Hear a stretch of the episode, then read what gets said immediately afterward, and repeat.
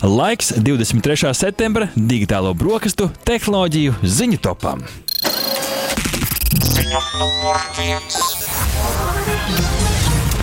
Pirmā ziņa digitālajās brokastīs par kārtējo hakeru uzbrukumu. Hakeri fintech uzņēmumam Revolut, kas Lietuvā strādā arī ar bankas licenci, nozaguši nelielu, taču pietiekami lielu klientu datu porciju. Uzņēmuma pārstāvis Maikls Bodānskis atklāja, ka hakeriem uz neilgu laiku izdevies piekļūt nelielai daļai klienta informācijas. Uzbrukums ir noticis 10. septembrī un līdz nākamās dienas rītam Revolut arī esot ticis galā ar šo ķibeli, kā ziņo portāls TechCrunch. Pēc revolūcijas ziņojuma Lietuvas varas iestādēm, un šeit ir atsauce uz šo bankas licenci, kāpēc viņi arī atskaitās Lietuvas varas iestādēm, kā izrādās, kiberuzbrukums skārs kopumā 50 150 klientus. Tostarp 20 687 klienti ir tieši no Eiropas ekonomiskās zonas un 379 Lietuvas pilsoņi. Par to, cik latvieši tas gan šajā ziņojumā neparādījās. Uzņēmums nav publiski atklājis atklājis, kādiem datiem kiberu uzbrucēji piekļuva, taču šajā ziņojumā varas iestādēm teikts, ka nu, viņi varētu būt nonākuši, tikuši klāt gan karšu maksājumu datiem, klientu vārdiem, adresēm, e-pasta adres, e adresēm un pat tālruņa numuriem. Tad, tad nu, nav vairs sensitīvāka informācija, kam hakeri būtu spējuši piekļūt. Nu, oficiālās atskaites Revolut arī informējuši, ka hakeri izmantojuši tieši sociālās inženierijas hakošanas metodi, kas varētu nozīmēt to, ka hakeri hakeriem ar viltu ir izdevies no kāda uzņēmuma darbinieka iegūt kādas piekļuves. Nu, šeit Latvijas revolūta klienti uh, uztraucās par to, vai jūsu dati tika skarti, ir pavisam vienkārši atbildi. Ja revolūta ar jums jau šobrīd ir sazinājies, tad jūsu dati tika skarti. Ja revolūta jums nekādu īpašu ziņu nav devis, uh, tad visticamāk jūsu dati netika skarti. Nu, vēlams ir iet lietotnē un pārbaudīt gan savu konta bilanci, gan arī ziņas, ziņu apmaiņu ar Revolūta. Ja tur tomēr šāda vēstule ir, nu, tad veiciet tālākās darbības, ko pārstāvjiem mums liek darīt, visādi citādi vēsu mieru. Numur divi.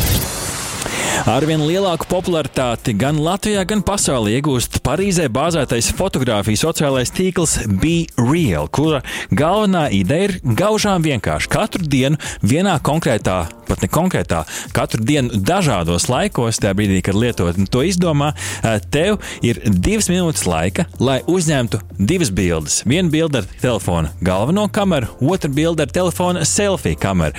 Un šīs bilžu komplekts tiek ielikts šajā sociālajā tīklā, un līdz ar to cilvēki Visticamāk, tavi draugi var redzēt, kas ar tevi notiek konkrētajā brīdī, reālajā vidē. Tātad sociālais tīkls, kas mēģina ievest maksimālu realismu interneta saturā. Tur jau tieši šeit slēpjas arī tā unikalitāte šajā lietotnē, un pēc tam draugiem ir iespēja komentēt un reaģēt uz šīm bildēm. Tā skaitā ar emociju ikonām, kur ir nevis emoji, bet tieši tavs sejas izteiksme, konkrētai emocijai, kas ir interesanti, un savas fotogrāfijas tu vari rādīt vai nu tikai draugiem, vai arī plašākai sabiedrībai Discover sadaļā. Un, nu, kas liecina vēl par šīs platformas popularitātes pieaugumu, ir jau pirmie kopētāji. Gan Instagram, gan TikTok to ir centušies šo vizuālo spīdekli nokopēt, un vizuālais sociālais tīkls Instagram strādā jau šobrīd pie Candid Challenges, jeb tieši šādu pašu izpildījumu Instagram lietotnē. Savukārt īso video platforma TikTok to jau nosaukuši par TikTok Now, kur, protams, TikTok ir video platforma.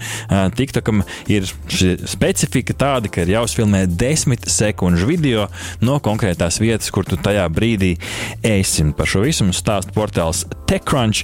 Nu, kas vēl interesanti, tad bija real. Šonadēļ saskārās ar realitāti. Izaugsme tam laikam bijusi tik liela un tik negaidīta, ka šajā nedēļā sociālais tīkls pat uz vairākām stundām nedaudz tam tik traucēta tā darbība, taču šobrīd jau platforma ir atpakaļ zirgā pēc pāris žagām.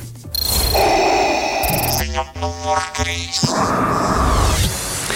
Moderniem tehnoloģijām strauji progresējot, pētnieki sacenšas par to, kurš spēs izveidot mikroskopiskāku robotu.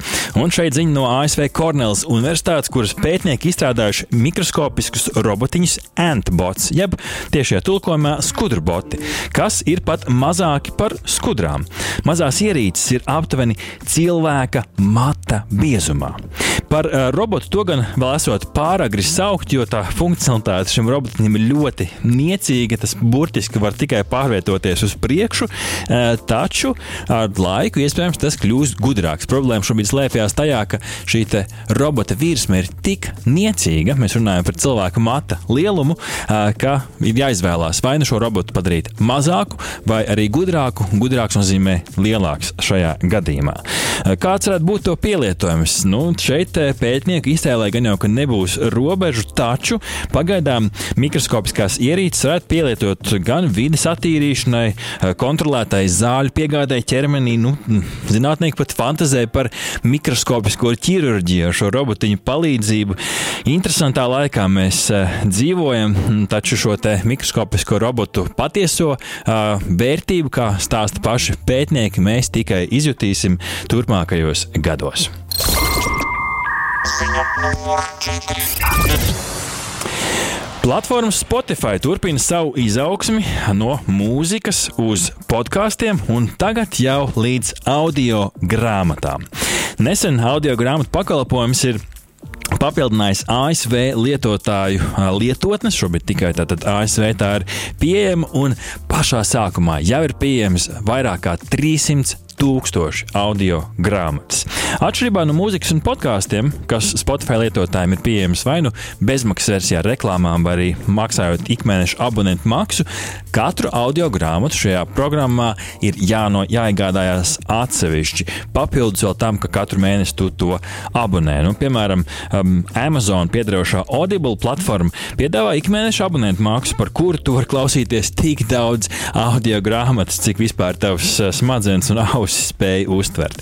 Audio grāmatas, acīm redzot, ir uz palikšanu, jo šajā lietotnē tās ieņem jau diezgan prominentu vietu blakus mūzikas un podkāstu sadaļai. Tad, tad tur jau ir trīs sadaļas - mūzika, podkāstu un audio grāmatas.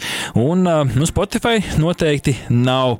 Um, pirmo reizi iekāpis ūdenī ar audio grāmatām, jo kādu laiku atpakaļ tas jau ir stiprinājis savu kapacitāti iegādāties audio grāmatu uzņēmumu Findaway, kas ļauj jauniem audio grāmatu autoriem pievienot savu veikumu un arī pelnīt ar to, kā stāsta portāls The Verge. Un, starp citu, varbūt kādam noder uh, ir interesanta mājaslapa latviešu uh, e-grāmatām, gan nevis audio grāmatām, bet e-grāmatām. Uh, trešais stāva dēls, jeb 3td.lv, kas ir uh, valsts kultūras informācijas sistēmu centra organizēta platforma, un tur katru mēnesi gan ierobežotā, bet konkrētā skaitā jūs varat bez maksas piekļūt e-grāmatām tieši latviešu valodā. Ziņa numur 5.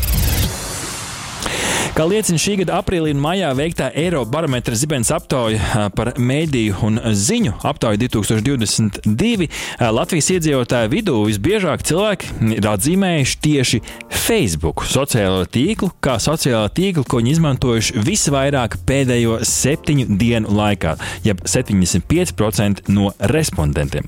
Kas ir interesanti, tad, tad Facebook ir pirmajā vietā pēc lietojumības, otrajā vietā Latvijas respondentu vidū uh, ir bijusi saziņas lietotne WhatsApp. WhatsApp ar 68%, trešajā tikai par 3% mazāk ir atzīmējuši video platformu YouTube. Attiecīgi, 4. un 5. vietā ir ierindojies uh, Instagram ar 34% un Facebook saziņas lietota Messenger ar 32%. Tad interesants tops tieši Latvijā. Nu, jautājums, kur tad ir uh, augošā populārā lietotne TikTok? Tā ir 6. vietā un dala uh, ar 7.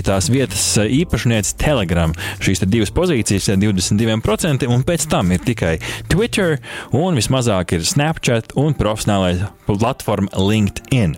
Nu, jautājums, kā tad kaimiņiem veicās ar šo? Tur ir gandrīz tā pati aina, izņemot to, ka Facebook uh, nu, šobrīd uh, ir joprojām pirmajā vietā, taču, kas interesanti, otrajā uh, vietā, ja mums bija WhatsApp saziņas lietotne, tad uh, tā nav tik populāra. Uh, attiecīgi, Lietuvā WhatsApp ir atzīmējuši tikai 15 un 22%. Viņiem otrajā vietā ir YouTube un trešajā Facebook Messenger. Interesanti, kāpēc šāda, šāda liela, diezgan ievērojama atšķirība. Nu, par Eiropas Savienības to kopējo līmeni skatoties top trīniekā, kas tad visā Eiropā dominē, tad pirmajā vietā Facebook, pēc tam WhatsApp un pēc tam YouTube, tāpat kā Latvijā.